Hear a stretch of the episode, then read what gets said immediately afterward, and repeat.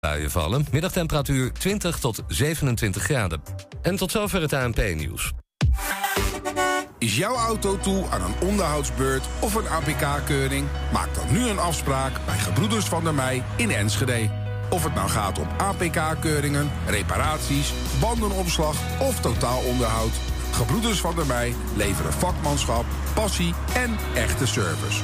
Je vindt ons aan de Lonnekerbrugstraat 80 in Enschede. Mam, mama, ik moet plassen. We zijn bijna bij Willemse Toiletten. Daar kun je veilig naar een schoon toilet en je handen wassen.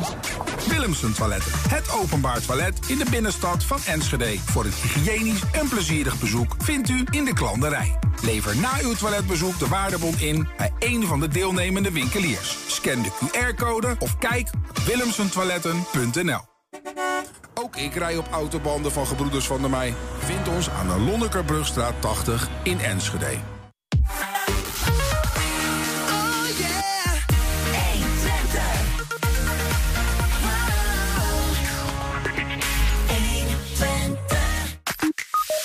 Zelfs de deuren van de ovens gingen open gisteren tijdens het uitvaartfestival bij Crematorium in Usselo. Maar er was veel meer en dit uur zie je hoe dat ging. Ja, hoe komt het dat we Oekraïense vluchtelingen veel met open armen ontvangen, maar mensen uit Afrika terugsturen de zee op? Ja, we, zoeken het, we onderzoeken het antwoord met sociaal psycholoog Birol Akkers. En Helene van den Bem stopt na 16 jaar als pastor voor drie Twentse parochies. En Enschede Jan van Dongen werkt aan een nogal bijzondere afstudeeropdracht voor zijn master technische bedrijfskunde aan de UT bij een voetbalclub in Argentinië. Het is maandag 16 mei. Dit is 120 vandaag. 120. 120 vandaag. De internationale Art Brut Biennale in Hengelo is afgelopen weekend weer van start gegaan. Het kunstevenement is in de loop van de jaren uitgegroeid tot de grootste tentoonstelling ter wereld op het gebied van outsider art. Ja, tijdens de vierde editie, dat wat dit jaar tussen uh, 14 tot en met 22 mei is, staat het werk van 150 kunstenaars uit binnen- en buitenland met een beperking centraal en zijn meer dan 800 kunstwerken te zien.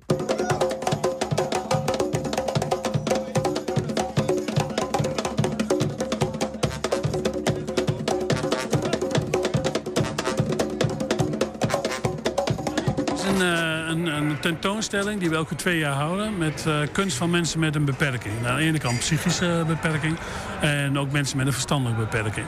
En dat zijn mensen die uh, niet de gelegenheid krijgen om echt in musea en echt tentoon te stellen. En uh, wij geven ze dat podium wel. We zijn wel heel kritisch op de kwaliteit. Dus het moet goede kunst zijn, goede kwaliteit. En heel betekenisvol zijn. En als dat is, dan willen we dat heel graag laten zien. En voor hun is het de uitlaatklep om te laten zien van... kijk eens, wij zijn er ook en kijk eens wat voor dingen we maken. Dus aan u de eer om de tentoonstelling officieel te openen. Daar gaan we. Fingers crossed. Oh, ah, ik denk... En jullie. Ja, Ah, kom op. We hebben hem tien keer getest. En die ene keer dat hij moet presteren, werkte hij niet. Ja, ik moest hem hier en daar een setje geven. maar ja, uiteindelijk uh, deed hij het. Uh, deed hij wat hij moest doen. Nou, mijn naam is dus Elie Kleine. Ik maak uh, psychedelic string art. zoals deze hier. Ehm, ik heb asperger, dus ik ben helemaal geobsedeerd door geometrie. En dat zie je dus ook weer terug in mijn werken. En zo kom ik dus op de ideeën. Dit is van hout, spijkers, garen en verf. Ja, dit is mijn eerste expositie ooit. En er zijn kunstenaars van over de hele wereld. Allemaal met een beperking die hier exporteren. Dus dat is bijzonder om daar deel van te mogen zijn. Want je hoort bij de beste van de wereld als je hier exporteert. Er is heel lang geweest van ja, dat is dan mensen met een beperking en uh, ja, is dat wel volwaardige kunst. Wij kijken naar de kwaliteit. Het gaat ons niet om of mensen een, een handicap of een, een psychische aandoening hebben. Het gaat ons om de kwaliteit van het werk. En als dat goed is, dat kunnen we heel goed beoordelen. Dan mag het hier gezien worden en dan hoort het ook in een museum. Je, je kunt ook niet zeggen dat het een stroming is. Je hebt misschien wel wat rondgekeken, ze hebben al een eigen stijl. En, en het komt vanuit hun hart en hun hoofd. Hè. Dat zijn vaak mensen die met, iets, met een problematiek bezig zijn. En die gebruiken de kunst om dat te verwoorden en te verbeelden. En dat zie je hier terug. Multiculti. Alleen beelddenkers leveren zulke prestaties waarvan men later zeggen zal... weet je nog... Al bedenk ik me heel beeldig dat talent van alle tijden is, zo blijft. En dat een ander dan met zijn of haar talent er ook weer iets door doet. Zo ontdekken we allen hoe we in onze kracht gaan staan. En dat is juist goed. Heel goed. Ja, we zitten op drie locaties eigenlijk. Hè. We staan nu even in het voormalige pand van Beversport. De tentoonstelling is in het V&D-pand. En dit is meer een soort atelierplein. Hier wordt gewerkt, hier ontmoeten mensen elkaar, is een terras.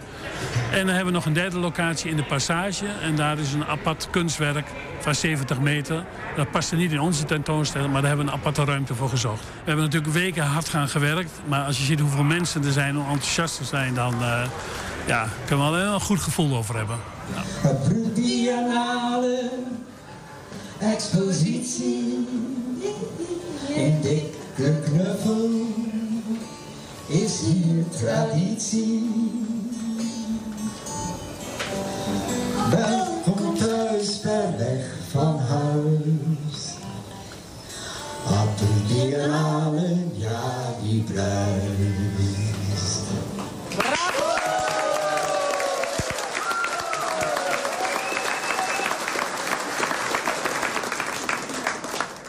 ben zaterdag ook even wezen kijken. Het is wel indrukwekkend hoor, wat er allemaal hangt. Ja, wat voor het mooiste? Ja, ik had toch dat verhaal wat we hier vorige week hebben gehoord van Over- een kunstenares die schilderijen, twintig eh, werken en ook eh, te- eh, teken, eh, potlood, ja, zeg maar streeptekeningen maakte. En die heeft dat in een psychose, heeft ze dat allemaal eh, aan gort gem- ge- ge- ge- Ges- gescheurd, zeg maar, met een, met een schroevendraaier. Nou, die hingen daar ook al, heeft ze later weer aan elkaar genaaid. En die hingen daar ook, ja, dat, da- daar kende ik het verhaal goed achter. Dus dat, dat eh, trof me wel. Maar er was nog wel meer hoor. Maar goed, je moet eens gaan kijken in Hengeloos. Nog de hele week te zien. Zelfs de deuren van de ovens gingen open gisteren tijdens het uitvaartfestival bij het crematorium in Usselo. Zometeen zie je hoe dat ging. En dus, we zijn ook als podcast te luisteren via alle bekende platforms. Ja, ga dat nou echt kijken, want je kunt daar hele uitzendingen vinden. En elke dag één item uitgelicht. 120. 120 vandaag. In 1915, de Eerste Wereldoorlog was uitgebroken, ving Enschede bijna 600 Belgische vluchtelingen op. Antwerpen was gevallen en duizenden Belgen sloegen op de vlucht, onder meer naar het neutrale Nederland. Vandaag de dag gebeurt er iets vergelijkbaars aan de oostgrens van Europa. En vangen we Oekraïners even ruimhartig vaak op. Maar aan onze zuidgrens, hè, onze zuidgrens, worden wrakke bootjes vol Afrikaanse vluchtelingen de Middellandse Zee weer opgeduwd. Ja, en de vraag is, wat is het verschil en hoe komt dat? Ja, we gaan op zoek naar een verklaring met sociaal psycholoog Biro Akkers. Maar eerst de dankbaarheid van de Belgen... die meer dan 100 jaar geleden in Enschede een warm welkom kregen.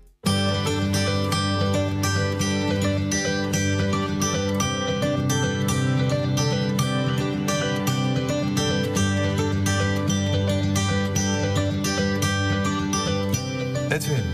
Ja. Leuk. In het, ja, dit is het, eh, het archief van de oude boeken. Ja, antiqu antiquarische boeken. Dit noemen zijn we echte kostbare. Ja, eh, ja. En jij hebt net een eh, met verloer bekleed Ja. eh, boekwerkje uit de, uit de kast getrokken. Ja. Met het wapen van Enschede geborduurd. Hè? Het is prachtig. 1914, Ja, ja, heel 1915. mooi. Ja. Met als opschrift De Belgen. Ja. Ja. ja, dit is een boek dat de Belgen hebben geschonken aan de bevolking van Enschede. Als dank voor de opvang ja, aan het begin van de Eerste Wereldoorlog. Ja, dit waren die Belgen die hier naar Enschede kwamen als vluchtelingen... omdat de oorlog in eh, België uitbrak. Ja, ja, ja. Je moet je voorstellen, eh, Eerste Wereldoorlog, 1914, augustus. eh, Duitsers vallen België binnen. En de bevolking slaat op de vlucht. Ja. En, er zijn veel Belgen gevlucht in die periode. Hè? Volgens mij de halve bevolking zo'n beetje. ja, ja en, maar een miljoen mensen zijn naar Nederland gekomen. Een miljoen Een miljoen, ja. En Nederland had toen 7 miljoen inwoners, hè? Ja, ja, ja. En een miljoen mensen erbij. Ja. Waarvan er een aantal in... En hoeveel kwamen er in, in Enschede? Eh, in Enschede 537. Ongeveer 2400 mensen kwamen naar Twente toe. Maar je moet wel... eh, Die miljoen vluchtelingen, dat was aan het begin van de oorlog. Ja. Dus ehm, als je gaat kijken naar twee of drie, vier maanden later... Hè, dus dan heb je het over november 1914... toen was meer dan de helft van de mensen was alweer terug. En, en nog weer iets later, in het voorjaar van 1915... en misschien dat daarom dit boek ook wel tot en met 1915 eh, is... in het voorjaar van 1915 waren nog maar 100.000 vluchtelingen in Nederland. Van die, van die miljoen. Dus een, eh, de, een tiende was overleefd. Dus 1914, 1915. Dus die, die, die Belgen die hier zijn opgevangen, hebben hier een jaar gezeten. Ja, die hebben hier. Ja. Prachtig boek. Ja.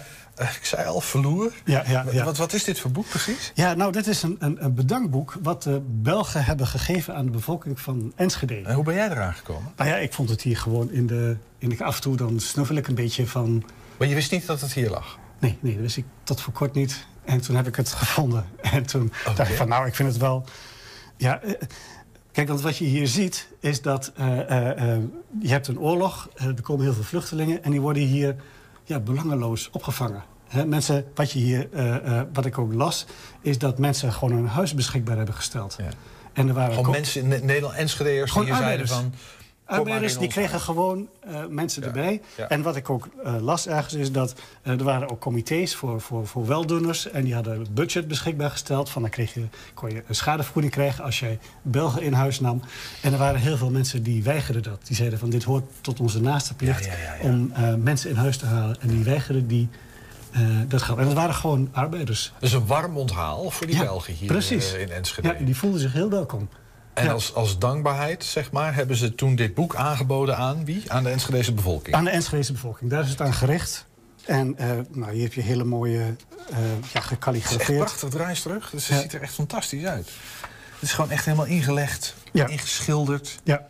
Het Enschedese wapen, de, de, de, de, de Belgische leeuw, denk ik. Ja, de, ja oh, Belgische, Belgische leeuw. Ja, en dit is het Nederlands wapen. André. Ja, het is wel gemaakt door, een, door een, iemand uit Enschede, zie je dat? Ja, Stroeven en Scholten. Stroeven en Scholten, Enschede. Ja. Ja. Nou, dan krijg je hier nog een mooie tekening ja, met een, een droevige man die uh, hier zit.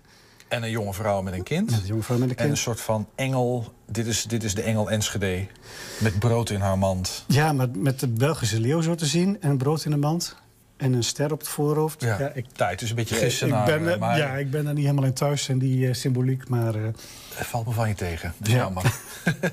maar ja, dit is voor mij de, de engel Enschede... Ja. die haar goede gaven schenkt aan uh, Belgische vluchtelingen. Dat is ongeveer het beeld. Ja. Oké. Okay. Ja. Nou, en je ziet hier dan opgedragen aan het comité... voor hulp aan Belgische vluchtelingen te Enschede. Ja. Dus aan hun was het gericht. Nou, en wat je hier dan ziet is nou, een heel...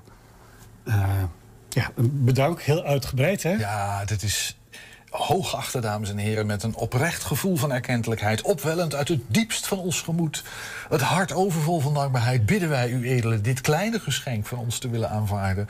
als een nederig blijk van erkentelijkheid en eerbiedige liefde... tot u voor al het goede, voor al het schone... wat wij gedurende meer dan een jaar door uw edele genoten hebben. En dan gaat het nog even verder, schoon ja. poëzie dit, ja, hè? Ja, ja. Nou, en, dan, en dan een lijst met namen. Ja met mensen die hier waren. Ja. En hè, met typische uh, Jeff, uh, Jeannette, ja. Therese. Ja, van Oostende. Ja, ja. ze staan er lang niet uh, allemaal nee. op. er is hier nog een, nog een, nog een, nog een soort bijvoegsel. Hè, met, waar nog meer namen op staan. Het zijn er nog steeds geen 537. Nee. Maar dat zijn namen, beroepen. Ja. En diverse leeftijden, hè? twee Ja. jaar. Ik zie hier acht maanden. Ja, ja, zes maanden. 48 jaar. Ja. Dus eigenlijk, ja, en dat is het wel zo'n beetje, geloof ik, 48. Ja. Ja. dat zal de oudste zijn, acht maanden ongeveer de jongste. Dus eh, Ja. de, ja, de, de enorme leeftijdsrange ook. De complete gezinnen die hier werden gehuisvest. Ja. Ja, en dus gewoon bij de plaatselijke bevolking voor een groot gedeelte gewoon in huis kwam. Dus ehm, ja, het is een hele mooie getuigenis. En ehm, het is eigenlijk nog wel des te mooier, om, er was een heel mooi monument. In het Van Heekpark, In het hè? Van Heekpark. Ja. En eh, eh, dat was in 1923 gemaakt. eh, en in 1924 daar geplaatst. Ja. En dat is een jaar geleden is dat weggeroofd. Dat is dat monument, een gedenkplaat, hè, 1914. ja, Volgens mij een staat ook gedenkplaat met een 1914. sokkeltje. Ja. En daar, daar staat een, een beeldengroep stond erop. Met mensen die eigenlijk aan het vluchten waren. Ja. Zeg maar, ja, zo tegen de wind in leken ze te lopen. Zo. Ja. En dat, wat er bovenop zit, die beeldengroep, die is eh, ja, weggeroofd. Van Heekpark, he- heel even nog misschien dat. eh, want wanneer, eh, weet je dat, wanneer is dat Van Heekpark geopend? Bestond het al in de tijd dat die Belgen hier waren? Of is dat van net later? Het zal rond die tijd geweest Rond die zijn. tijd, hè? Ja, ja. Oké, nou ja, dat beeld is weg dus. Ja. Maar dit is niet weg. Dit eh, heb jij teruggevonden. Het was, Ja. het was weg, maar het is teruggevonden. Ja, ja dat- soms jij, je hele jij mooie weet voor de helft niet wat je hier hebt liggen. Nee, maar dat, dat is het ook. Maar als je zo'n boek krijgt met... eh, In, in de database ziet men 1914, 1915 de Belgen. Ja, dat is niet het eerste wat je dan eh, opentrekt. Want dat kan van alles zijn natuurlijk. Nou ja, we hebben het verhaal nu verteld. Ja. Dankjewel. Graag gedaan.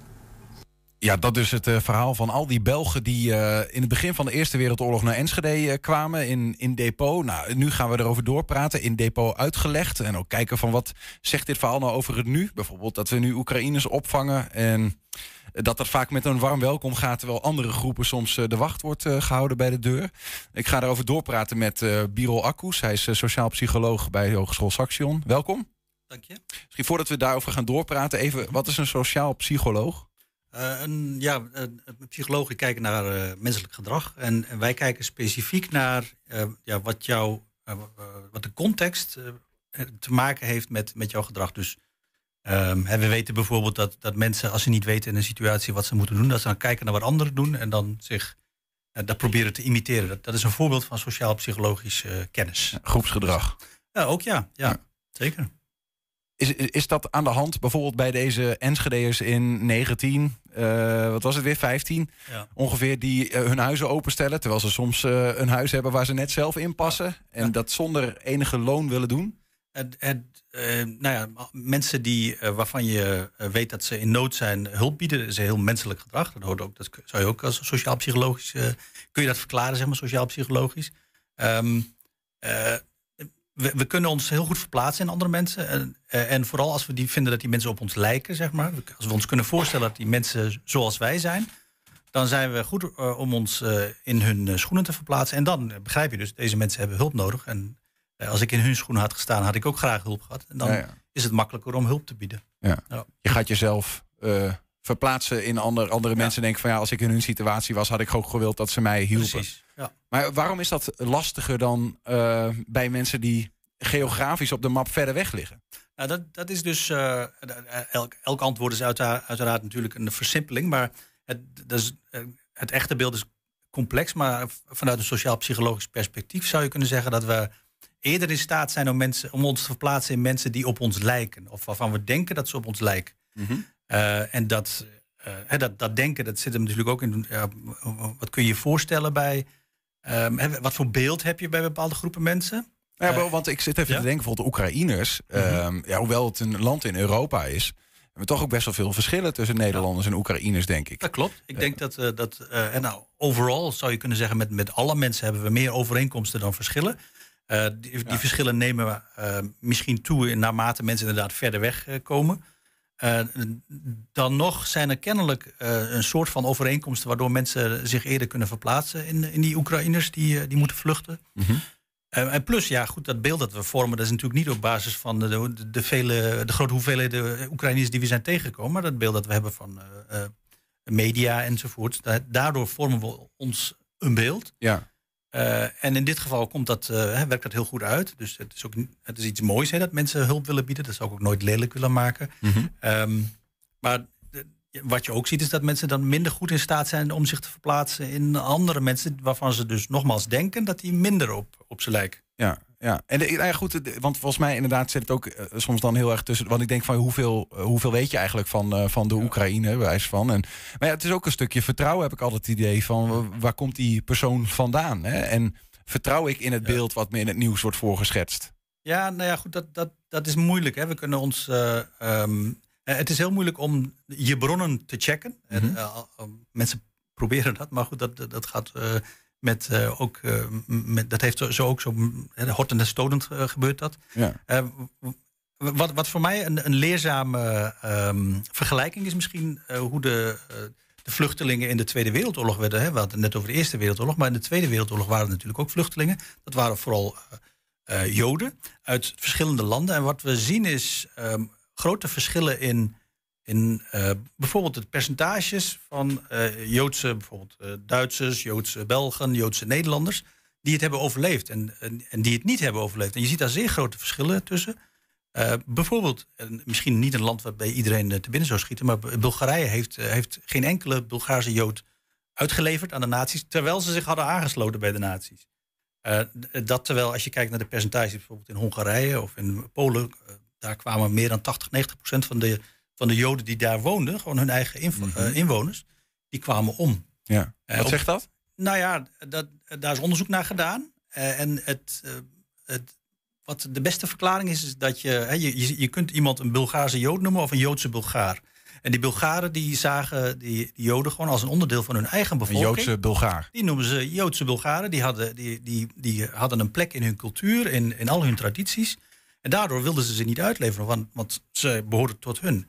Eh, wat het nog wranger maakt, is dat eh, de Griekse Joden, die dus ook moesten vluchten uit Griekenland, die kwamen in Bulgarije terecht en dachten van dit is een safe haven. Maar die werden wel uitgeleverd. Hmm. Want die waren geen hoorden- Bulgaren. Want dat waren geen Bulgaren. Ja, ja. Eh, en wat, wat dat betreft is, komt Nederland er ook niet zo heel best vanaf. Iets van 70%, eh, meer dan 70% van de, van de Joodse Nederlanders, of de Nederlandse Joden, eh, hoe je het ook wil noemen, eh, heeft het niet overleefd. En dat heeft vermoedelijk dus iets te maken met dat we ons, ons Nederland destijds, zich niet goed kon verplaatsen. In de eh, Nederlandse Joden. in de of de Joodse Joden. Nederlanders. Ja. Ja, Ik zit ook even te denken. Stel nou dat, ehm, dat de pleuris uitbreekt in eh, Amerika. Hè, en, eh, waar sommige staten verder weg misschien wel zijn dan landen. Waar- Syrië of zo, waar nu ook vluchtelingen vandaan komen. Als we een beetje op jouw verklaring moeten uitgaan. Ik denk dat veel Nederlanders Amerikanen zien als gelijken. Eh, dan zouden we voor hen de deur openzetten Dat waarschijnlijk. denk ik wel, ja. ja heel veel mensen die vereenzelvigen zich met, eh, met in ieder geval delen van de Amerikaanse cultuur. Veel van de cultuur die we tot ons nemen door middel van Netflix en eh, nou, ja. Noem ze allemaal maar op. Is, komt uit Amerika. Dus dat zien we eigenlijk als ja, hele naaste mensen. Terwijl misschien onze Duitse oosterburen, en dat is hier in Enschede is dat nog een beetje anders, want wij, wij kennen elkaar, we zien elkaar zaterdags op de markt. Mhm. Maar men voelt een grotere afstand vermoedelijk tot, eh, tot die groep mensen. Dat, ehm, het, het is, het is niet rationeel. Hè? Dus eh, ehm, met wie we ons kunnen identificeren en met wie niet. Dat heeft te maken met beelden, met frames eh, enzovoort. Eh, en dat is voor mij de verklaring waarom we dus inderdaad minder eh, open armen hebben ten opzichte van de Syriërs. Die kwamen ook Misschien angst voor wat, wat halen we binnen, hè? hoe leven die mensen en wat komen ze met ons, eh, onze cultuur veranderen, dat soort dingen. Dat zou kunnen. Terwijl dat niet per se terecht hoeft te zijn. Eh, absoluut niet. Eh, het, dat heeft uiteraard ook mee te maken dat we natuurlijk in een, in een tijdsgewricht leven waarin dat soort verschillen heel erg ook binnen, onze, eh, binnen ons eigen land eh, zijn uitvergroot eigenlijk. En heel veel eh, eh, problemen zijn verklaard aan de hand van identiteit van groepen mensen. N- n- Nou ben jij eh, werkzaam aan een hogeschool. Ehm, daarin ben je natuurlijk enigszins, eh, nou ja, ben je gewoon onpartijdig. Hè? Probeer de zaken te zien zoals ze zijn. Maar zijn er ook, want ik kan me voorstellen dat er politieke stromingen zijn die zeggen van, ja, wij willen graag eh, voor iedereen een, een haven zijn, een safe haven, en ook voor die Syriërs. Ze willen meer draagvlak creëren. Zijn ook mensen die jouw vakgebied studeren en kijken van, hoe kunnen we nou die Nederlander in het hoofd krijgen dat het zo erg nog niet is? Ja, de- en, en niet exclusief de Nederlander, maar inderdaad, er zijn veel sociaal psychologen bezig met dit, ehm, met, met dit vraagstuk, zou je Wat, wat, zeggen. wat doen zij dan? Wat, wat, wat stellen zij dan voor bijvoorbeeld? Nou, ja, kijk, je, je kunt dus bijvoorbeeld die communicatie, hè, het voorbeeld wat ik net gaf, hè, dus eh, alleen maar eh, de, de volgorde van die twee woorden veranderen. Hè, dus wat, wat neem je als zelfstandig naamwoord, Nederlander of Jood? Dat, dat maakt al uit. En al- als je, hè, ik, ben, ik ben zelf van Turkse afkomst, mijn ouders komen uit Turkije, ik ben hier geboren. Ben ik dan een Nederlander die, eh, die ook Turks is, dus een Turkse Nederlander, of ben ik een Turk? Want zo word ik vaak genoemd. We hebben het eh, in het, eh, in het debat over dit soort zaken hebben we het nog vaak over Marokkanen, Marokkaanse jongens. Terwijl dat jongens zijn die soms al tweede, derde generatie Dat zet ze juist ook weer verder weg Dan in maak onze... je dus een, een ander van in plaats van een onderdeel van onszelf. Ja. Dus, en dan wordt het moeilijk om je daarmee te vereenzelvigen. Dan zie je verschillen en die benadruk je in plaats van dat je de overeenkomsten ziet. Nou, ja, dat is goed om te weten. De- en dan ligt het eraan wat voor een doel we in ons hoofd hebben met wat we met de wereld willen. Maar dat is goed om dit in ons achterhoofd eh, te houden. Ehm Birol, Akkoes, dankjewel voor je uitleg. Geen dank. Straks, Helene van der Bemt stopt na 16 jaar als pastoor voor drie Twentse parochies. 120. 120 vandaag. Het crematoria Twente deed gisteren letterlijk alle deuren open voor publiek bij hun vernieuwde locatie in Usselo. Zelfs de ovens konden van binnen worden bekeken en er was meer. Een vrolijke voorstelling over de dood. Volwassenen kunnen kijken naar strooidemonstraties. En ieder die wil kan zelfs een hashtag kistvie maken. Vandaag hier bij het crematorium in Usselo tijdens een heus uitvaartfestival. Harriet, op een dag word je wakker en dan denk je... een uitvaartfestival. Dat gaan we doen. Nou, ze gingen niet helemaal. Op een dag uh, zeiden we, nee, niet op een dag, maar we wilden graag een open dag organiseren. Uh, nou, dat hebben we twee jaar moeten uitstellen vanwege corona. Maar we zeiden, het is zo, ons pand is prachtig geworden van binnen. Maar het park is ook heel erg mooi. En we willen ook heel graag naast de mensen alleen zeg maar, het pand laten zien en het park. Mensen ook prikkelen dat ze nadenken over van, wat zou ik willen? En om het gesprek op gang te brengen over de dood. Of wat wil ik als ik overlijd? Of wat wil jij als je overlijdt? En daarom dus ook een uitvaartfestivalletje. Ja, normaal sta ik in een menig café of zalencentrum uh, een uh, feest te draaien. Ja, nu uh, toch op deze middag een keer wat anders, ja. ja. Maar je bent hier niet alleen om het spul muzikaal te omlijsten, toch? Je hebt ook echt nog een taak met de bezoekers. Dat klopt inderdaad. Ja, mensen kunnen hier bij mij uh, hun favoriete plaat aanvragen uh, die ze graag willen horen. Uh, misschien op hun eigen uitvaart of waar ze een hele mooie band mee hebben. En daarnaast verzorgen we hier inderdaad op dit buitenterrein heel informeel een lekker achtergrondmuziekje. Wat doet u hier vandaag? gebruik maken van de gelegenheid om, om een keer achter de schermen te kijken bij het crematorium. Waar, waarom doet u dat? Uh, ja, ooit, uh, ooit zal ook onze dag komen. En, uh, of, of nabestaan. En dan weet je een beetje hoe het, hoe het gaat, hoe het werkt. je komt nooit verder dan, dan de aula's. En, en dan krijg je toch een blik achter de schermen. En dat is, ja, dat is best wel interessant. Ik was eigenlijk wel heel benieuwd naar de ovens. Dus dat wil ik eigenlijk heel graag, of, nou, heel graag zien. Het is natuurlijk een beetje gek.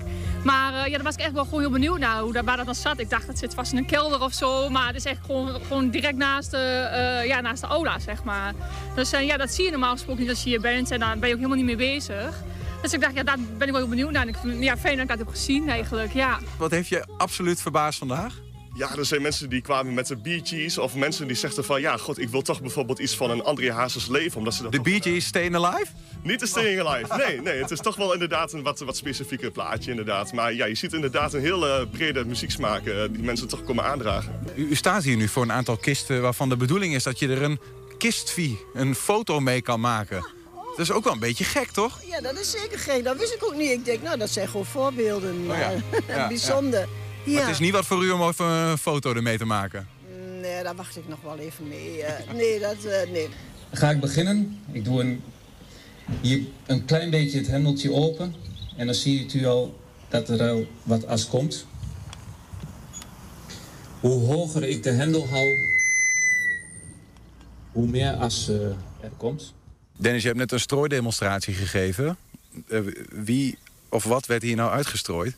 Dit was schelpenzand natuurlijk. Uh, daar gaan we natuurlijk niet uh, met echt as gaan we strooien. En het veldje waar we hier strooien is normaal ook niet het strooiveld. Dus het is puur voor mensen te laten zien hoe het dan in zijn werk gaat. Zegt wel van, u heeft het zelf ook meegemaakt dat, dat, dat het as werd uitgestrooid van een nabestaande. Is het ook iets waarvoor u, dat u voor uzelf ook hier kijkt? Ja, ook sowieso, want uh, wij worden ook wel gecremeerd. En dan worden we ook op een strooiveldje uh, gestrooid waar mijn dochter al ligt. Of onze dochter al ligt. Dus dat, dat uh, staat nu al vast. Die mensen die naar jouw demonstratie kijken, waarom kijken die eigenlijk en wat voor vragen hebben ze eventueel? Ja, ze kijken omdat hè, voor de meesten weten ze niet eigenlijk wat ze moeten verwachten. Ja, verstrooien denken ze, ja, daar komt wel uh, as uit een uh, verstrooibus. Maar uh, ja, ik, ik vind dit juist met die open dag ook heel goed... om dat ook zichtbaar te laten zijn. Dus als mensen hier komen, dat het niet helemaal nieuw is... of dat het eng is, bijvoorbeeld. De dood hoort natuurlijk ook gewoon bij het leven. En ja, ik vind zoveel mogelijk jezelf er ook inf over informeren dat het gewoon goed is. Wat vind je ervan om dat te zien? Ja, bij sommige dingen, bij de oven vond ik het wel eng. Want ik wist dat mijn opa daar, uh, daarin was gegaan. En um, ja, was wel interessant om dan te kijken hoe dat dan ging. Maar ja, het was wel vervelend om dan dat te zien, de oven. Dat, dat herinneren dat, je, dat mijn opa daar uh, ja, verbrand is. Mijn zusje werkt hier. En we worden haar even bezoeken en ja, kijken hoe het hier is. En ook voor mezelf mijn opa en oma zijn hier ook uh, gecremeerd. En ja, het is toch even uh, een stukje verbinding wat je dan weer voelt. Ja. Ja. Wat vind je ervan? Heb je al dingen gezien waarvan je dacht, oh, opmerkelijk? Um, nou, ik vind het heel mooi dat met dat uitstrooien dat ze dat zo doen. Um, ik mocht zelf ook een stukje even uitstrooien met dat nepas. En um, ja, nee, ik vind het gewoon heel mooi hoe ze er allemaal mee omgaan.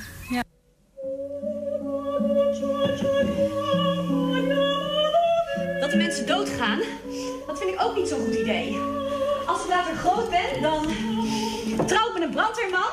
En dan, en dan neem ik een hond. En Lena, je gaat helemaal niet weg en dan helemaal niet dood. Kom hier. Ilse en Lana, jullie hebben net de voorstelling gezien. Waar ging het eigenlijk over? Nou, het ging over een meisje Lena en die was maar tien jaar en toen is ze overleden. En ehm, ja, ze speelde het na met eh, vriendinnen en zo is het waarschijnlijk ook echt gegaan. Dus ja. En wat vond je ervan? Ik vond het heel erg indrukwekkend en het heeft me ook echt wel geraakt. En, en waarom heeft het je geraakt? Eh, omdat eh, ze was natuurlijk nog maar heel jong, echt nog maar tien. Ehm, ik ben zelf nu ook tien en ja, dan zit je dat toch Iedereen wel moet ermee leren omgaan. Iedereen moet ermee leren omgaan? Ja, Waarmee leren omgaan? ja, met de dood. Zelfs als je tien bent. Ja, Hoe oud ben jij? negen. En ik heb het er ook al over. Vind je dat belangrijk? Ja, ik vind dat wel heel belangrijk. Waarom? Ah, omdat ik wel vind dat mensen mogen vertellen wat ze voelen. Maar ik denk, als je negen bent, dan hoop je toch nog lang niet dood te gaan. Hoop ik niet. Kim, jullie hebben net de voorstelling gespeeld, Lena in een lijstje. Waar gaat het over? Eh, Lena en haar lijstje gaat over eh, Lena. En Lena is tien en gaat dood. En eh, zij en haar vriendinnen eh, maken eigenlijk allemaal dingen mee... die je meemaakt als dat gebeurt, als iemand doodgaat. Eh, zowel voor Lena die doodgaat... als voor haar vriendinnen die haar moeten missen. Jullie spelen dat heel specifiek voor kinderen. Ja, klopt. Eh, ja, voor kinderen. En, het is een kindervoorstelling, maar ook op zich volwassenen zijn ook welkom. We doen het heel vaak op scholen. om eigenlijk de dood een onderwerp van gesprek te maken. Eh, ook als het niet per se in de hand is. Omdat het nou eenmaal gewoon onderdeel van het leven is. Ook voor kinderen. Missie geslaagd. Ja, en iedereen is heel. Hè, we, hebben, eh, we hebben al heel veel bezoekers gehad en iedereen vindt het prachtig. En iedereen zegt: Oh, wat is het mooi geworden. En dus eh, ja, ik denk dat de missie meer dan geslaagd is. eh. Even nog voor de record, hoeveel bezoekers denk je heb je ongeveer gehad? Nou, ik denk zo dat we tegen de 800, 900 aanzetten. 120. 120 vandaag. Nou, van pastoraal werker bij onder meer parochie, De Goede Herder... naar werken met mensen met een verstandelijke beperking... bij de Twentse Zorgcentra. Helene van der Bemt stopt na maar liefst 16 jaar... in Hengelo, Borne en Hof van Twente. Per 1 juni gaat ze werken in Almelo, dus bij de Twentse Zorgcentra. Helene, goedemiddag. Goedemiddag. Ja. Dat is best een, eh, best een switch, toch? Een switch, maar ook hetzelfde. Ja? Ja. Oké, oké. Want maar je komt daar ook eh, vandaan, van de Twentse Zorgcentra, ooit eerder. Nee, nee, lang geleden was ik, eh, heb ik gewerkt op een dagactiviteitencentrum in Delft. Als activiteitenbegeleidster. Ja. Maar ook met mensen met een verstandelijke beperking, inderdaad. Ja, zelfde doelgroep, andere werkgever, om het zo te Ja, zeggen. en een andere baan, een andere functie. Want nu word ik geestelijk verzorger bij mensen met een verstandelijke beperking. Mhm. Dus dat is een verschil. Oké, oké. Het is niet zo dat je dacht, dat vind ik toch leuker. En na 16 jaar eh, bij de parochie ga ik toch wel weer terug naar het werk wat ik deed.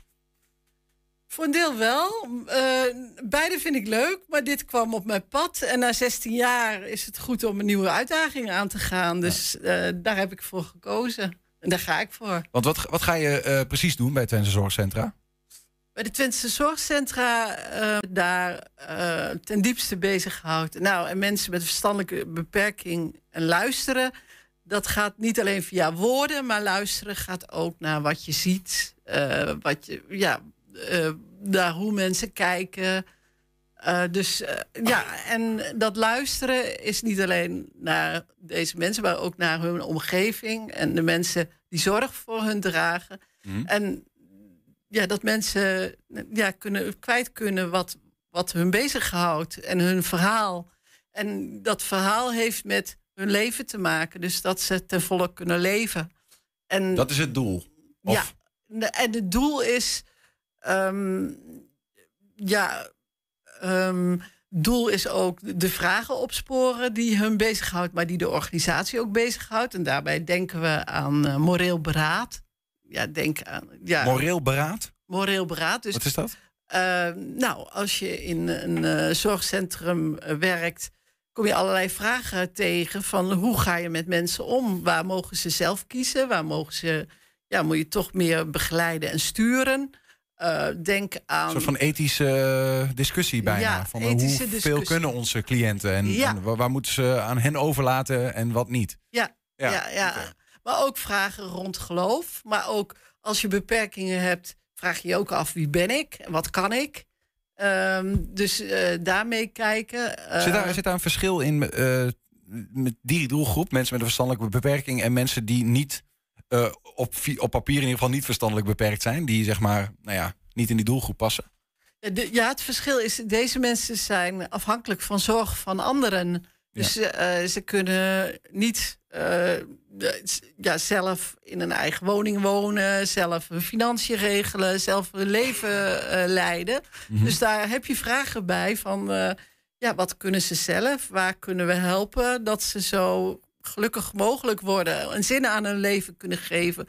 Ook ehm, ja, besteding van hun dag ja, denk bijvoorbeeld aan kunst van mensen met een verstandelijke beperking. Die kunnen ongelooflijk mooie dingen maken. En Ja, heb ik gezien eh, afgelopen zaterdag bij de Arbru Biennaal. Ja, nou, Ja, dat. die hangen er ook. Ja, Precies. zeker. En als mensen dat kunnen maken, dan kunnen ze ten volle uitdrukken wie ze zijn. En ja, mijn specialiteit is eh, geloof en zinvragen. Ik ben katholiek. Mhm. Dus eh, ja, wat, wat ik ook tegenkom, wat, wat we ook doen, is vieringen. eh, nou, het leven vieren op alle momenten. Dus het leven vieren ja, heeft te maken met mooie men- momenten met elkaar vieren. Maar het leven vieren heeft ook te maken natuurlijk met overlijden, met afscheid nemen. Want ja, als een bewoner van een groep overlijdt, dan eh, ja, betekent dat ook iets voor de medebewoners. En eh, dan is het belangrijk om ja, daarbij stil te staan. Nou, daar zijn wij goed in als geestelijke verzorging. Zin, zingeving, ook in dat, op dat vlak. Ja, in de breedste zin van het woord. In hoeverre lijkt dat, want je zei al van het lijkt best wel op elkaar. Waarin lijkt dat werk op het werk wat je 16 jaar lang bij de Twentse parochies hebt gedaan? Het, het, en dat merk ik ook bij studentenpastoraat. En dat is hier ook. Wat je eerder hebt grootste- getend, je hebt bij de UT studentenpastoraat gedaan. De- ja, het allergrootste verschil is dat het werk dat ik 16 jaar gedaan heb, daar heb je de toren met de kerk. En nou, dat is de Rooms-Katholieke Kerk. Dus het is heel duidelijk, zij is van de kerk. En waar ik nu ga werken, is het werk. eh, nou, die kerk, dat beeld, dat, is, dat nemen wij mee. Mhm. Maar het heeft natuurlijk in een instelling met mensen, met eh, ja, heel verschillende mensen, ehm, is dat anders. Ja, Ja, ja. Want, want even, de- de- daar komen eh, mensen die ook geen ge- eh, een niet-gelovige achtergrond hebben, denk ik, bij jou. Exact. Ja. Ja, dus dat zal misschien binnen de parochies anders zijn. Want dat zijn mensen die waarschijnlijk aangesloten zijn bij de parochie, waar je dan op dat moment eh, geestelijk hulp aan geeft. exact. Ja, dus, dus je hebt een, mensen met een heel verschillend referentiekader, met een heel verschillend eh, levensbeschouwing, met heel verschillend geloof. Wat maakt dan dat. dat eh, wat, is het, wat is het stukje in het werk onder die verstandelijk beperkte mensen, die misschien niet vanuit een ge- ge- gelovige achtergrond komen, wat jou terugtrekt toch een beetje die wereld in en, en, en weg bij de parochies? Dat is eh, de communicatie. Ik, ja, als ik terugdenk aan 16 jaar terug, ik, in de parochie kun je lachen, maar met mensen met verstandelijke beperking heb ik echt ten volle ja, vreugde ervaren in mijn werk. Ja? Ja, en Hoe- die, die vreugde en dat, ja, en ja, het, het pure lachen, eh, het pure, de, ja, de puurheid en dat zal ik niet bij iedereen aantreffen. En dus ook een beetje een ideaalbeeld. Mhm. Maar ja, ik zie het ook bij, bij, bij mijn moeder. Ehm, waar mensen ehm, de, de verstandelijke vermogens ontbreekt, lijkt het wel of er een soort schil eh, wegvalt. Ja. Ik weet niet of je geen, iets- geen bescherming, geen schild meer eh, die je mogelijk opheft. Ja, En ge- soms dingen niet te rationeel willen benaderen, maar gewoon beleven zoals ze zijn. exact. Intens verdrietig, intens blij. Dingen niet kapot analyseren. Dat ken ik trouwens helemaal niet hoor, eh, persoonlijk. Nee, ik begrijp denk ik wel wat je bedoelt. Ja. Ja. Je, je hebt eh, jeugdwelzijnswerk gestudeerd ooit. Ja. En daarna ging je theologie doen. Ja. Dat houdt natuurlijk heel veel samen met, hè, omdat je nu ook eh pastoraal werker bent eh, ja, geweest. Of nog steeds bent misschien wel. Waarom eigenlijk? Waarom ben je dat gaan doen? Waar komt die passie voor theologie vandaan? uit hobby. Ehm, ik ben mijn leven lang toch met geloof bezig geweest. En ik wilde voor, ja, ik was gewoon geïnteresseerd. En nog steeds ehm, vind ik eh, de Rooms-Katholieke traditie een bagage die voor mij een grote rijkdom in mijn leven is. Die mij ook richting wijst, of die mij ook eh, troost biedt en kracht en vreugde. Dus Kun je dat op een manier, want er zijn natuurlijk ook eh, veel mensen en steeds meer mensen die dat niet meer kennen. Ja. Ehm, kun je dat proberen uit te leggen? dat kan ik denk ik heel goed uitleggen. Want ik denk dat veel mensen een kaarsje opsteken als een dierbare is overleden. Of veel mensen in een kerk binnengaan en nog wel eens een lichtje branden. Of je nou ben, gelovig bent of ongelovig. Eh, dat lichtje dat je aansteekt, dat, dat is zo veelzeggend. Nou, je ziet het ook bij stille tochten, maar in de Lambertus... Ik heb wel eens, eh, dat vond ik een van de meest bijzondere momenten... dat het kermis is en je loopt in het gedruis van de kermis... en daar stap je de Lambertus binnen en dan kun je een, een kaarsje aansteken. En je valt dan, komt dan een andere wereld binnen... waarin je ook in een andere laag in jezelf bezig eh, ja, binnenkomt.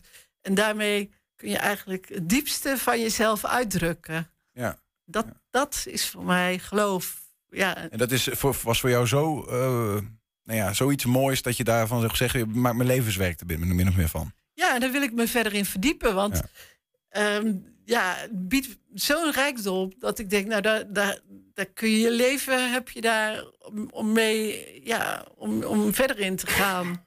Je hebt ook eh, lang, je refereerde net al even aan, eh, gewerkt voor het studentenpastoraat op de universiteit hier in eh, Enschede. Ja.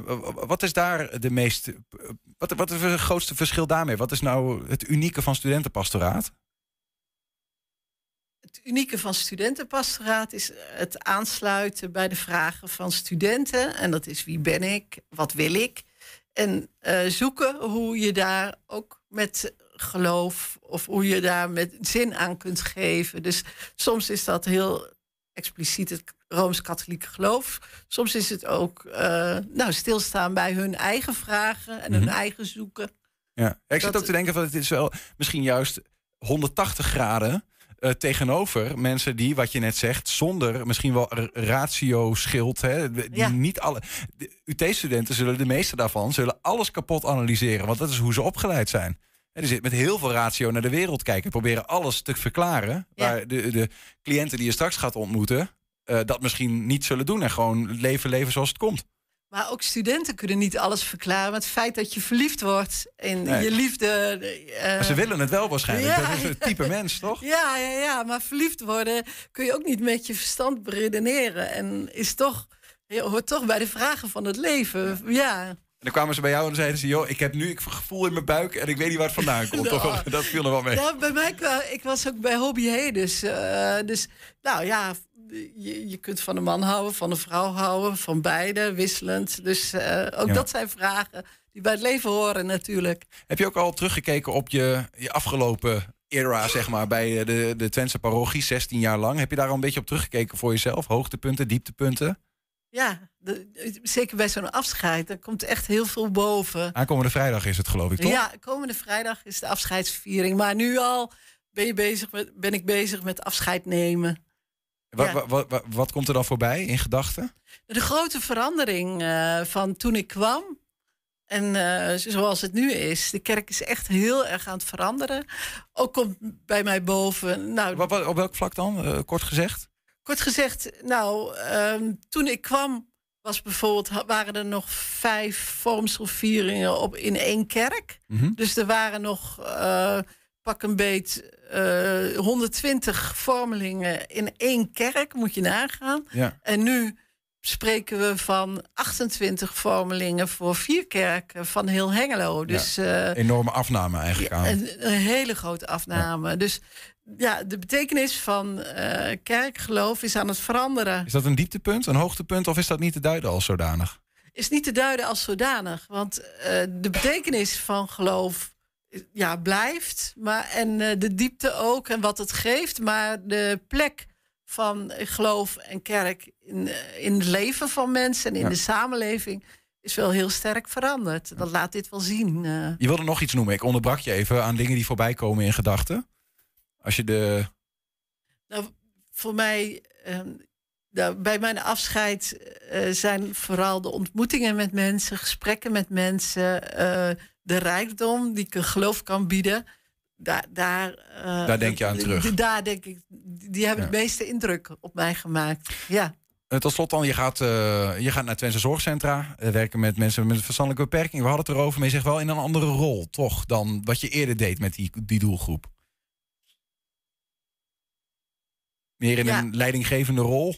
Nee, ehm, eerder was ik aan één dagcentrum verbonden en Ja. deed ik activiteiten. Dus dat is heel eh, tastbaar en concreet. En nu ben ik als eh, in een team van vier mensen zijn we geestelijk verzorgers voor een instelling die eh, heel groot is. Ja, ja. Twentse Zorgcentra. wel Dus- direct contact met de mensen daar. eh, ja, ja, ja, ja, Dus dat is Losserhof, Bouwhuis en de Kolkhof en nog diverse andere locaties. Dus we zijn, eh, ja, maken deel uit van, van degene die, ja, die zorg bieden, maar over het, zou ik maar zeggen. En is dit de laatste resort of komt er nog een switch aan ooit? Ik ben eh, bijna 60, dus ik denk dat dit. eh, ik, en ik heb. Ik ben iemand die heel trouw is. Dus mezelf kennen, Nee, blijf dit, ik hier en zijn? zal ik mij ten volle geven. Ja. Met hart en ziel, ja. Dankjewel, Helene van der Bemt. En eh, veel plezier vrijdag bij het officiële afscheid, eh, de bijeenkomst. En eh, met, je, met je nieuwe werk. Heel veel dank. Zometeen praten we met UT-student Jan van Dongen. Hij heeft namelijk een bijzondere afstudeeropdracht bij een voetbalclub in Argentinië. 120. 120 vandaag. Priester Titus Brandsma werd gisteren heilig verklaard door paus Franciscus. Volgens de katholieke kerk is het bewezen dat Brandsma een wonder heeft verricht. De Nederlandse priester en verzetsman had een innige band met Twente. Hij studeerde in het Karmelietenklooster in Zenderen... en was kartrekker van het Karmel College. Ja, vorige week gingen we langs bij het klooster in Zenderen... waar ze maar wat trots waren op hun Titus. Vrijdag wilden we je het al laten zien... maar toen werkte de techniek even niet mee... omdat de reportage te mooi is om niet te tonen. Bij deze alsnog. Kijk,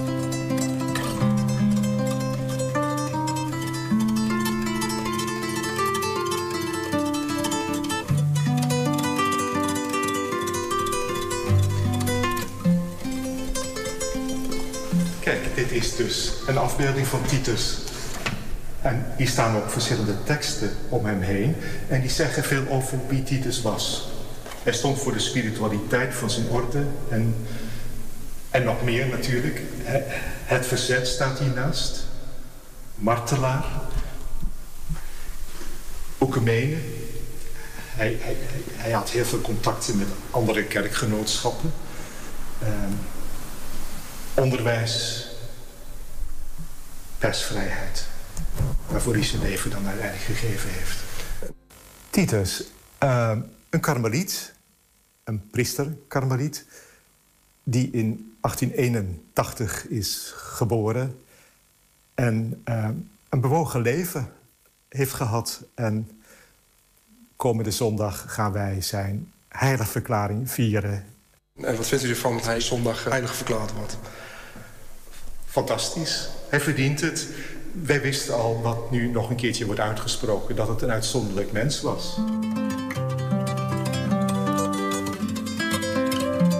Op zijn zeventiende is hij begonnen in Boksmeer. En na twee jaar eh noviciaat en eh, een stukje filosofieopleiding... kwam hij hier in Zenderen voor de theologie met zijn klas. De theologieopleiding van de Karmelieten was in die jaren hier in Zenderen. In 1902 is hij hier aangekomen. Of hier in Zenderen heeft hij zijn, ehm, zijn, zijn eh, grote professie gedaan, zijn plechtige professie. Hij, hij heeft zich definitief gebonden hier aan de Karmelietenorde. In 1903 weer vertrokken, omdat, eh, na een jaar, omdat de opleiding werd verplaatst naar Os. En later is hij vaak hier teruggekomen als assistent provinciaal, bijvoorbeeld als bestuurder van de Nederlandse Karmelieten. Hier staan de namen van al de Karmelieten die hier gestorven zijn in huis. En eh, dus ook eh, binnenin zijn ze beschreven. Deze liggen ook allemaal begraven op het kloosterkerkhof hier. In 1936 eh, is hij ook eh, eh, geestelijk adviseur geworden van de katholieke journalisten in Nederland. Daardoor is, is hij is hij in, de, in, de, in, de, in de belangstelling gekomen. Ehm, want ehm, op een gegeven moment wilde de NSB wilde dus dat de katholieke pers uh, in hun kranten en tijdschriften ook advertenties van hun opnamen en ook artikelen plaatsten van hun. En uh, dat weigerde Titus. Dan zou je dus fake nieuws, leugens, zou je in je eigen tijdschriften krijgen. En, en, ja, en dat wilde de, de, de, de, katholieke pers wilde dat uh, zuiver houden. De ideologie van het nationaal socialisme paste niet in, het, in de katholieke denkwereld. Dus Titus heeft dat geweigerd om dat op te nemen... en is namens de bisschoppen ook de redacties langs gegaan... om het standpunt toe te lichten. Terwijl hij rondging langs de redacties van de verschillende kranten en tijdschriften... is hij verraden, hij is opgepakt, gevangen gezet... In Scheveningen kwam hij terecht en uiteindelijk in Dachau, um, het concentratiekamp. Daar is hij um, al vrij snel uh, uitgeput geraakt en gestorven. Rafael Tijhuis, elders gestorven, maar is hij wel begraven. Die was met Titus in, in Dachau. Um, ook, ook uit, uit Twente is, is hier ook begraven. Kijk, dit is het graf van Rafael Tijhuis. Rafael heeft dus veel betekend voor Titus in die laatste periode in Dachau. Uh, ze zaten in hetzelfde blok waar de priesters en religieus en predikanten uh, gevangen werden gehouden. En uh, Rafael heeft, het, heeft de oorlog dus overleefd. Heeft, heeft wel zwaar geleden en had ook een moeilijke tijd na de oorlog. Ze herkenden elkaar in het begin niet. In het begin, dus ze ontmoetten elkaar in die barak. En maar ze waren zo vermagerd, kaal geknipt. Ze herkenden elkaar niet. Maar toen, toen, toen dat wel zo was, heeft Rafael, die een sterk gestel had... heeft Titus ook proberen te helpen waar hij kon. Zijn medebroeder. En um, in praktische dingen, wat eten toestoppen. Um, en hij heeft ook kunnen vertellen na, naar de hand wat, hoe het was in die barak... Hij heeft ook tekeningen gemaakt. Uh, hij heeft zijn ervaringen opgeschreven, die dus gepubliceerd zijn. We gaan hier samen uh, in het zaaltje waar we een groot scherm neerzetten... gaan we naar de heiligverklaring kijken en luisteren. Titus zal worden heiligverklaard met negen anderen. Dus ehm, het is niet zoals met zijn zaligverklaring... dat alle aandacht op Titus gericht is. Maar um, wij zullen het uh, samen bekijken, volgen...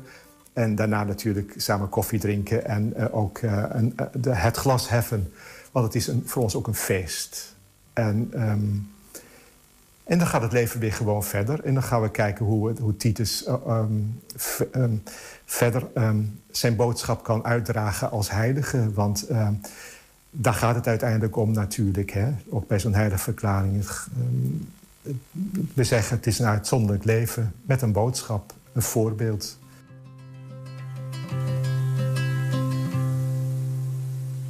Ja, dat dus over Titus Brandsma, die gisteren werd heilig verklaard door paus Franciscus. 120. 120 vandaag. Enschedeer Jan van Dongen werkt aan een nogal bijzondere afstudeeropdracht voor zijn master technische bedrijfskunde aan de UT. In Buenos Aires verbetert hij het scoutingsysteem van de Argentijnse topclub San Lorenzo. Die club is een van de vijf grote clubs in Argentinië en heeft spelers voortgebracht als Angel Correa, Ezequiel Lavezzi, Pablo Zabaleta en Feyenoord-verdediger Marcos Senesi. Eh, allemaal goed uitgesproken, hoop ik. Als het aan de UT-student ligt, voegt hij aan de lijst nog veel spelers toe. Via Zoom is hij bij ons. Jan van Dongen, goedemiddag. Goedemiddag. Uh, wat, heeft, wat heeft een studie technische bedrijfskunde te maken met uh, scouting van voetbal, vroeg ik me af. Ja, technische bedrijfskunde is eigenlijk heel, heel breed wat dat betreft. Eigenlijk kan je het uh, toepassen op elk proces wat te optimaliseren valt. en zodoende ook voetbal. ja, het scoutingsproces is een proces wat te optimaliseren valt, waarin verbeteringen te vinden zijn. Uh, en dat is waar, waar ik nu mee bezig ben. Wat ja. ik, uh, ja, daar gaan we het uit, uitgebreid over hebben zometeen nog. Uh, toch even, je zit nu toch ook gewoon nu, nu in Buenos Aires? op dit moment ben ik alweer doorgegaan naar, naar Bolivia. Oké. Okay. Dus ik zit op dit moment in, in Cochabamba. zo heet de stad hier. daar ben ik nu ongeveer een weekje. en ja, afgelopen maand ben ik in, in Buenos Aires geweest. Wat, doe je in Bolivia dan, als ik vragen mag? Ja, op, op een moment uh, ben ik hier gewoon aan het werk. of in ieder geval met, met mijn afstudeeropdracht bezig. maar tussendoor ben ik ook aan het reizen. dus wat dat betreft ben ik het allemaal aan het combineren. Ah ja, ja, ja, ik snap het al. Het noodzakelijke met het uh, kwade combineren of zoiets. Hè? Um, hey Jan, je, je bent bezig met een, soort van op een data manier naar scouting van voetballers uh, kijken. Kun je dat eens uitleggen? Wat doe je eigenlijk precies in je afstudeeropdracht? Ja, klopt. Um, nou, ik ben bezig met uh, nou, vanuit een dataset van spelers. dus er is een dataset beschikbaar gesteld voor mij. waarin je gewoon informatie hebt over, over bepaalde spelers in een bepaald seizoen. dus denk aan gemiddelde statistieken zoals een nauwkeurigheid van de passing, aantal dribbles naar voren, nou, zo gek uh, als je het kan verzinnen bijna. Mhm. Eh, Zoals we ze kennen eigenlijk uit de voetbalspellen, toch? Daar heb je dat ook. Bij de voetbalspellen zie je ook altijd de spelers... en dan zie je allemaal uh, statistiekjes wat ze goed kunnen en wat ze niet goed kunnen. Nee, zeker, inderdaad. dus dat, dat, is zeker vergelijkbaar. Ja, met, met, de, met de spellen is het vaak van hoe goed ze zijn ergens in. En dit is gewoon echt data van hoe vaak, hoeveel, nauwkeurigheid, et cetera. Ja. En met die data... Um, ja, is het eigenlijk mogelijk om te zien uh, hoe vergelijkbaar spelers zijn met elkaar. Uh, met bepaalde algoritmes, uh, modellen kan je zien hoe ver bepaalde spelers van elkaar staan. welke spelers in een bepaalde groep zouden kunnen horen. dus welke spelers ja, vergelijkbare statistieken hebben. En hoe gebruik je die dan heel specifiek voor San Lorenzo, waar je, waar je in principe voor werkt? Ja, nou, San Lorenzo zeg maar, wat, wat je veel in Zuid-Amerika überhaupt ziet, is dat er een hele snelle cyclus is van, uh, nou, van, van het team. Uh, dus spelers worden aangekocht en nou, binnen twee, drie jaar zijn ze bijna altijd uh, alweer doorverkocht. Mhm. en in dat geval nou, moet je dus vaak spelers aankopen, spelers verkopen. En eigenlijk zijn zeg maar, de spelers die je in je team hebt, uh, dat, uh, zeg maar, dat gaat sneller veranderen dan de tactiek of de, uh, ja, de manier waarop je wilt spelen. en daarom is het handig om te weten, oké, welke spelers zouden vergelijkbaar zijn met een speler die op dit moment goed functioneert, maar bijvoorbeeld uit zijn contract gaat lopen. Of, die binnen, een, binnen eenzelfde tactiek die al is opgesteld, eigenlijk dat je gewoon een speler kunt vervangen. Van ja, het is een andere naam, maar hij voetbalt ongeveer hetzelfde. Ja, ja, dus dat je op die manier kan zien, oké, die past goed in ons systeem. Uh, ja, die zou erbij kunnen passen. En heeft, heeft jouw module het ook wel eens uh, fout, zeg maar? Uh, of, of heb je nog een, een perfecte module nu ontwikkeld? nou, op, op, dit moment is alles nog in, in werk, zeg maar. Dus alles is nog, het is nog niet allemaal klaar. maar het idee is in ieder geval om, om een module te hebben waarmee je kan zien... oké, deze spelers zijn vergelijkbaar qua statistieken. Uh, en data gaat op, natuurlijk maar zover. Uh, dus je moet als scoutingteam ook gaan kijken naar, uh, bepaalde mentale aspecten van de speler, bijvoorbeeld, die je uit de data wat minder makkelijk kan halen. Ja. om te zien of zo'n speler daadwerkelijk zou kunnen passen in het systeem en bij de club. dus dat moet een combinatie ervan zijn. Ik, ik geloof niet dat data zeg maar alles helemaal kan overnemen. Uh, het kan wel een optimalisatieslag, uh, uh, een optimalisatieslag zijn in het proces om eerder te kunnen vinden: oké, deze lijst aan spelers zouden interessant kunnen zijn. In plaats van dat je door alle competities moet gaan kijken, alle spelers moet gaan ja, gaan observeren. Ja, moet, moet ik het dan zo zien, Jan, dat, dat je in feite, uh, jij, je werkt voor een club en die hebben een, een, een, een, bepaald soort speler nodig. Uh, de, de, in, in, in de regio waar jij werkt uh, zijn heel veel voetballertjes, jonge voetballers. Nou, en daar wordt allemaal data van verzameld. Hoeveel pases geven ze, dit en dat. En dat jij een systeem ontwikkelt om eigenlijk te ontdekken van, oké, welke jongens uh, passen nou op de plek die San Lorenzo nodig heeft? Uh, jij gaat er niet zelf op uit om te kijken naar die jongens. Dat gaat iemand anders laten weer doen. Ja, precies. Dus uh, voor mij is het echt puur kijken naar de data. en dan zal er later in het proces iemand zijn die naar, naar de speler toe gaat, gaat, naar een wedstrijd gaat kijken. Om nou, specifieker bepaalde dingen te observeren. Ik zit even te denken, hè, want, want um, je hoort wel vaker tegenwoordig dat, dat, dat data-analyse, gewoon gegevens, een computermodel bij wijze van eh, de, de voetbalstrategie bijna gaat bepalen, of in ieder geval het aankoopbeleid. Hoe groot is die rol eigenlijk tegenwoordig van dat soort ehm, ja, computermodellen? Is het bijna zo dat ho- hoe beter de data-analyst, hoe beter de voetbalclub? Nou, dat wordt het eh, naar mijn idee wel, eh, wel steeds meer. Data is natuurlijk heel erg aan het groeien. De laatste jaren zie je steeds vaker eh, dat, er, dat er iets gebeurt met data en voetbal. Eh, waar dat nou, misschien 10, 15 jaar geleden echt nauwelijks nog was, eh, zie je nu vaker dat nou ja, spelers, aangekochte spelers op basis van data ehm, nou, bijvoorbeeld aanbevolen zijn bij een bepaalde club. Uh, zag je bijvoorbeeld met, met Memphis Depay bij, bij Olympique Lyon des- destijds. Uh, ja, data wordt gewoon steeds groter en het is denk ik zeker een belangrijk aspect in, nou, in ieder geval de grote wereld van, eh, van het voetbalspelletje. Het, het, het- het is nou eenmaal zo ook eh, eh, dat bijvoorbeeld eh, clubs als Hoffenheim en een Dortmund al heel veel met data doen. Eh, waarom eh, ben jij niet naar een Europese club gegaan dan? Maar heb jij het avontuur in Zuid-Amerika gekozen? Ja, op vakantie. is- Ik hoor het al. ja. Ja, ik hou, ik hou wel van een avontuurtje. Ehm, nieuwe cultuur ontdekken. Eh, Spaanse taal vind ik heel mooi. Eh, dus wat dat betreft is het eigenlijk een combi daarvan geweest. Ik, ik wist dat ik iets met, eh, met voetbal en data wilde gaan doen. En toen ben ik eigenlijk gewoon gaan kijken. Ja, Spanje is, is leuk, maar eigenlijk nog een beetje te dicht bij huis. voor mijn gevoel op dit moment. Dus nou, dan kom je al snel uit bij Zuid-Amerika natuurlijk. Zuid-Amerika of Mexico.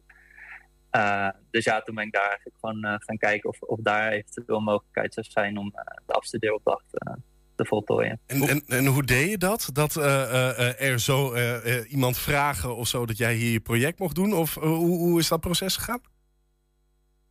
Ja, dat is ehm, begonnen eigenlijk met wat contacten die ik had via wat eerdere projecten die ik heb gedaan met, eh, met FIFA en, en, en data.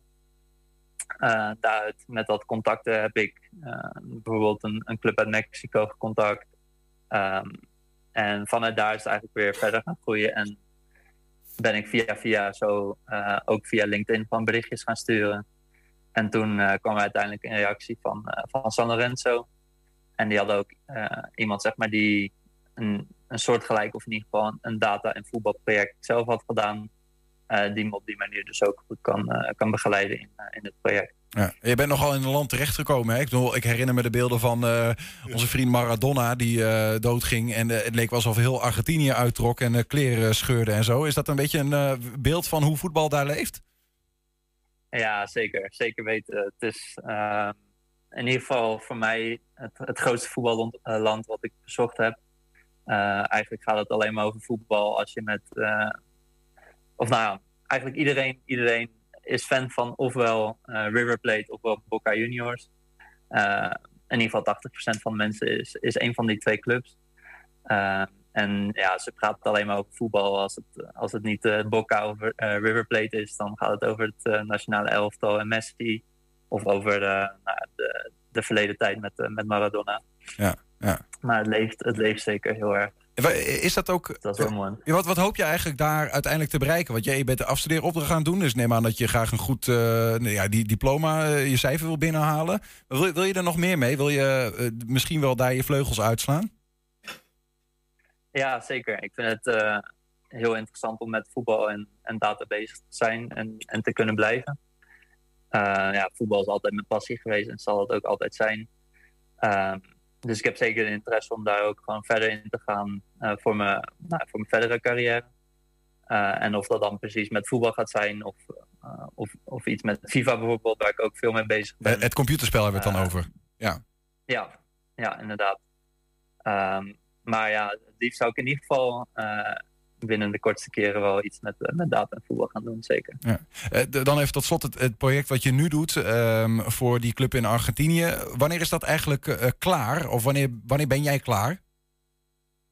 Ja, de afstudeeropdracht is in principe, nou, duurde dat een, een klein half jaar, zeg maar één semester. Mm -hmm. uh, in, en dat zal over twee maanden ongeveer afgelopen zijn. Dus ik verwacht ergens eind juli af te studeren. En wat moet er dan liggen? Wat, wat moet je dan zeg maar inhoudelijk klaar hebben?